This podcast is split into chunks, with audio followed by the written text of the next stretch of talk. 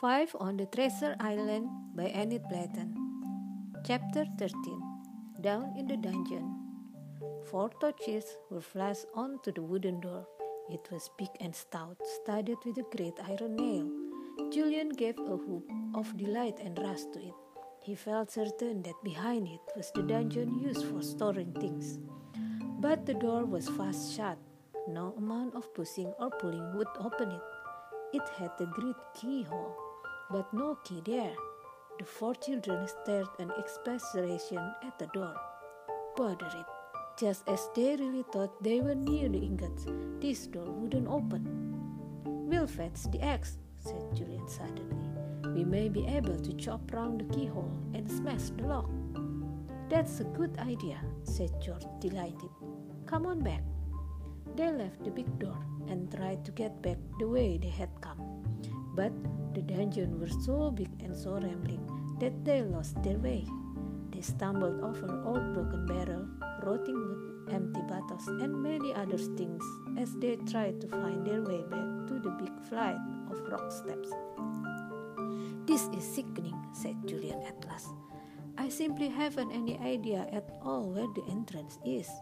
We keep on going into one dungeon after another, and one passes us after another, and they all seem to be exactly the same dark and smelly and mysterious.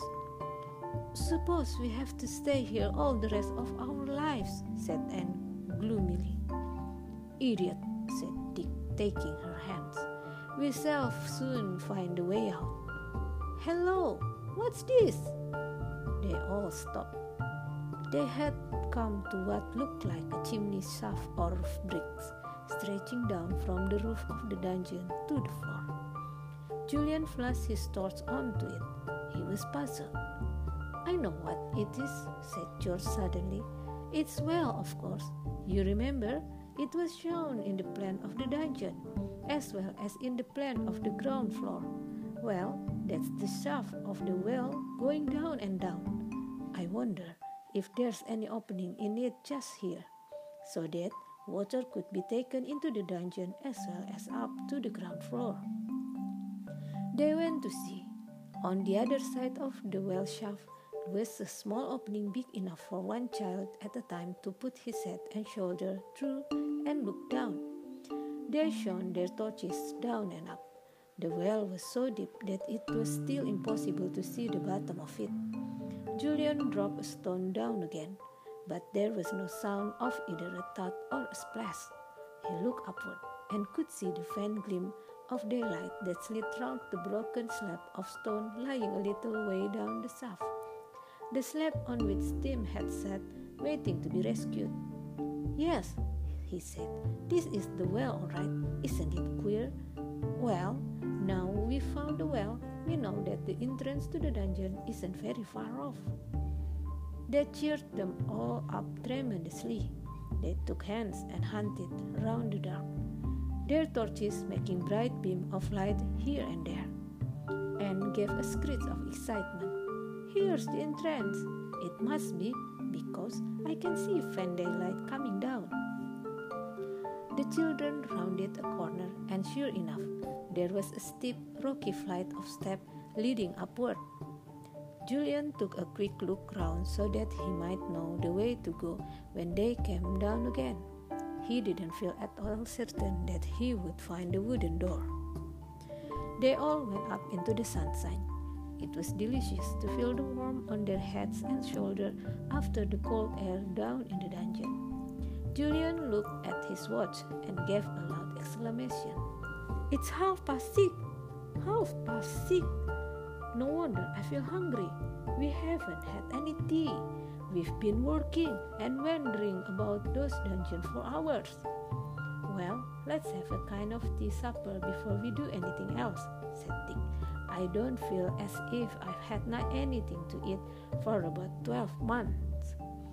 Well, considering you ate about twice as much as anyone else at dinner time, began Julian indignantly.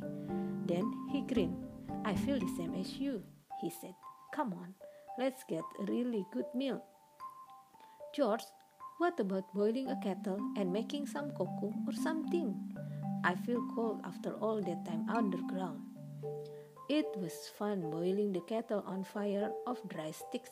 It was lovely to lie about in the warmth of the evening sun and munch bread and cheese and enjoy cake and biscuit. They all enjoyed themselves thoroughly. Tim had a good meal too. He hadn't very much liked being underground and had followed the other very closely indeed. His tail went down. He had been very frightened, too, of the curious echoes here and there. One he had barked, and it had seemed to Tim as if the whole of the dungeon were full of other dogs, all barking far more loudly than he could. He hadn't even dared to whine after that, but now he was happy again, eating the tidbits that the children gave him and licking George whenever he was near her. It was past eight o'clock by the time that the children had finished their meal and tied it up. Julian looked at the others. The sun was sinking and the day was no longer so warm. Well, he said, I don't know what you feel, but I don't somehow want to go down into those dungeons again today, not even for the sake of smashing in that door with an axe and opening it. I'm tired, and I don't like the thought of losing my way in those dungeons at night. The others heartily agreed with him, especially Anne, who had secretly been dreading about down again with the night coming on. The little girl was almost asleep. She was so tired out with hard work and excitement. Come on, Anne, said George, pulling her to her feet. Bed for you, We'll cuddle up together in the rugs on the floor of that little room. And in the morning, when we wake up, we'll be simply thrilled to think of opening that big wooden door. All four children, with Tim close behind, went off to the little stone room. They curled up on their piles of rug, and Tim crept in with George and Anne. He lay down on them and felt so heavy that Anne had to push him off her legs. He sat himself down on her again, and she groaned, half asleep. Tim wagged his tail and thumped it hard against her ankles. Then George pulled him onto her own leg and lay there, feeling him breathe. He was very happy. She was spending the night on her island. They had almost found the ingots, she was sure. She had Tim with her, actually sleeping on her rugs Perhaps everything would come right after all, somehow. She fell asleep. The children felt perfectly safe with Tim on guard. They slept peacefully until the morning. When Tim saw a rabbit through the broken archway leading to the little room and sped away to chase it, he awoke George as he got up from the rug, and she sat up and rubbed his, her eyes. Wake up, she cried to the other. Wake up, all of you, it's morning, and we're on the island. They all awoke. It was really thrilling to sit up and remember everything. Julian thought of the big wooden door at once. He would soon smash it with his axe. He felt sure. And then what would they find? They had breakfast and ate just as much as ever. Then Julian picked up the eggs they had brought and took everyone to flight of steps. Tim went too, wagging his tail, but not really feeling very pleased at the thought of going down into the queer places where other dogs seemed to be barked and yet were not to be found. Poor Tim would never understand a course. They all went down underground again, and then, of course, they couldn't find the way into the wooden door. It was most tiresome.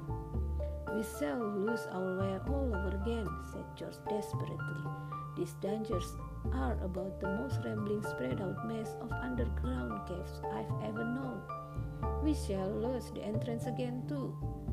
Julian had a bright idea. He had a piece of white chalk in his pocket and he took it out. He went back to the steps and marked the wall, the wall there. Then he began to put chalk marks along the passage they walked in the musty darkness. They came to the well, and Julian was pleased. Now, he said, Whenever we come to the well, we shall at least be able to find the way back to the steps, because we can follow my chalk marks. Now the thing is, which is the way next? We'll try and find it, and I'll put chalk marks along the walls here and there. But if we go the wrong way and we have to come back, we'll rub out the marks and start to drain from the well another way. This was really a very good idea. They did go the wrong way and had to come back, rubbing out Julian's marks. They reached the well and set off in the opposite direction, and this time they did find the wooden door. There it was, stout and sturdy, its old iron nail rusty and red. The children stared at it in delight. Julian lifted his axe. Crash! He drove it into the wood and round about the keyhole. But the wood was still strong, and the axe only went in an inch or two. Julian drove it in once more. The ass hit one with the big nails and slipped a little to one side. A big splinter of wood flew out and stuck poor Dick on the cheek. He gave a yell of pain. Julian jumped in alarm and turned to look at him. Dick's cheek was pouring with blood. Something flew out of the door and hit me, said poor Dick. It's a splinter or something. Coolly, said Julian, and he shone his stars on to Dick. Can you bear it a moment if I pull the splinter out? It's a big one, and it's still sticking into your, your poor cheek. But Dick pulled it outside he made a face with the pain and then turned very white.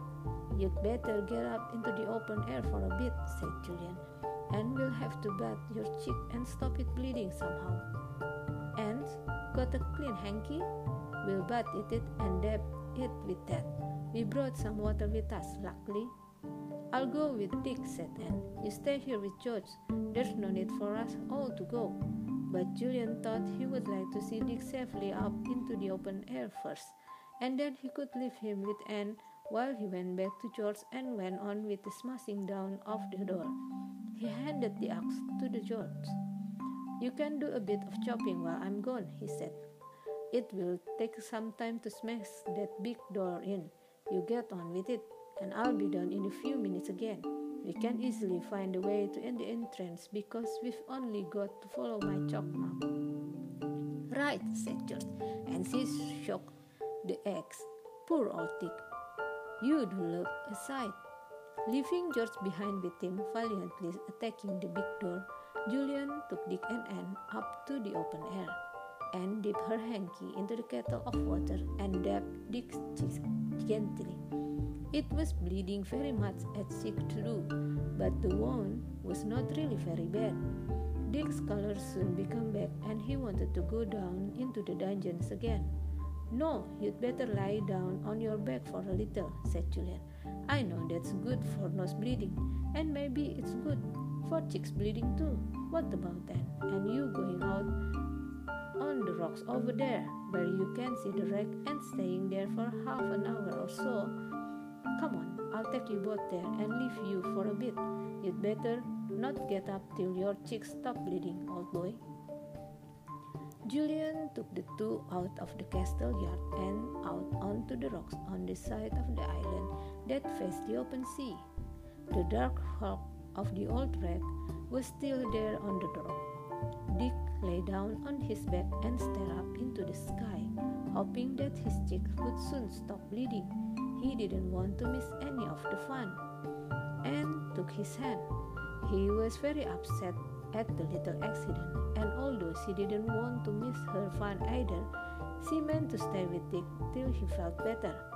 Julian sat down beside them for a minute or two. Then he went back to the rocky step and disappeared down them. He followed his chalk mark and soon became to where George was attacking the door. She had smashed it well round the rock, but it simply would not give away. Julian took the axe from her and drove it hard into the wood. After a blow or two, something seemed to happen to the lock. It became loose and hung a little sideways. Julian put down his axe. I think somehow that we can open the door now, he said in an excited voice. Get out of the way, Tim, old fellow. Now that, push George. They both pushed, and the lock gave away with a grating noise. The big door opened crackingly, and the two children went inside, flashing their torches in excitement. The room was not small, more than a cave, hollowed out of the, the rock, but in it was something quite different from the old barrel and boxes the children had found before. At the back, in the untidy piles, were curious brick-shaped things of dull yellow-brown metal. Julian picked up one. George, he cried, the ingots. These are real good. Oh, I know, they don't like it, but they are all the same. George, oh George, there's a small fortune here in the cellar, and it's yours. We found it at last.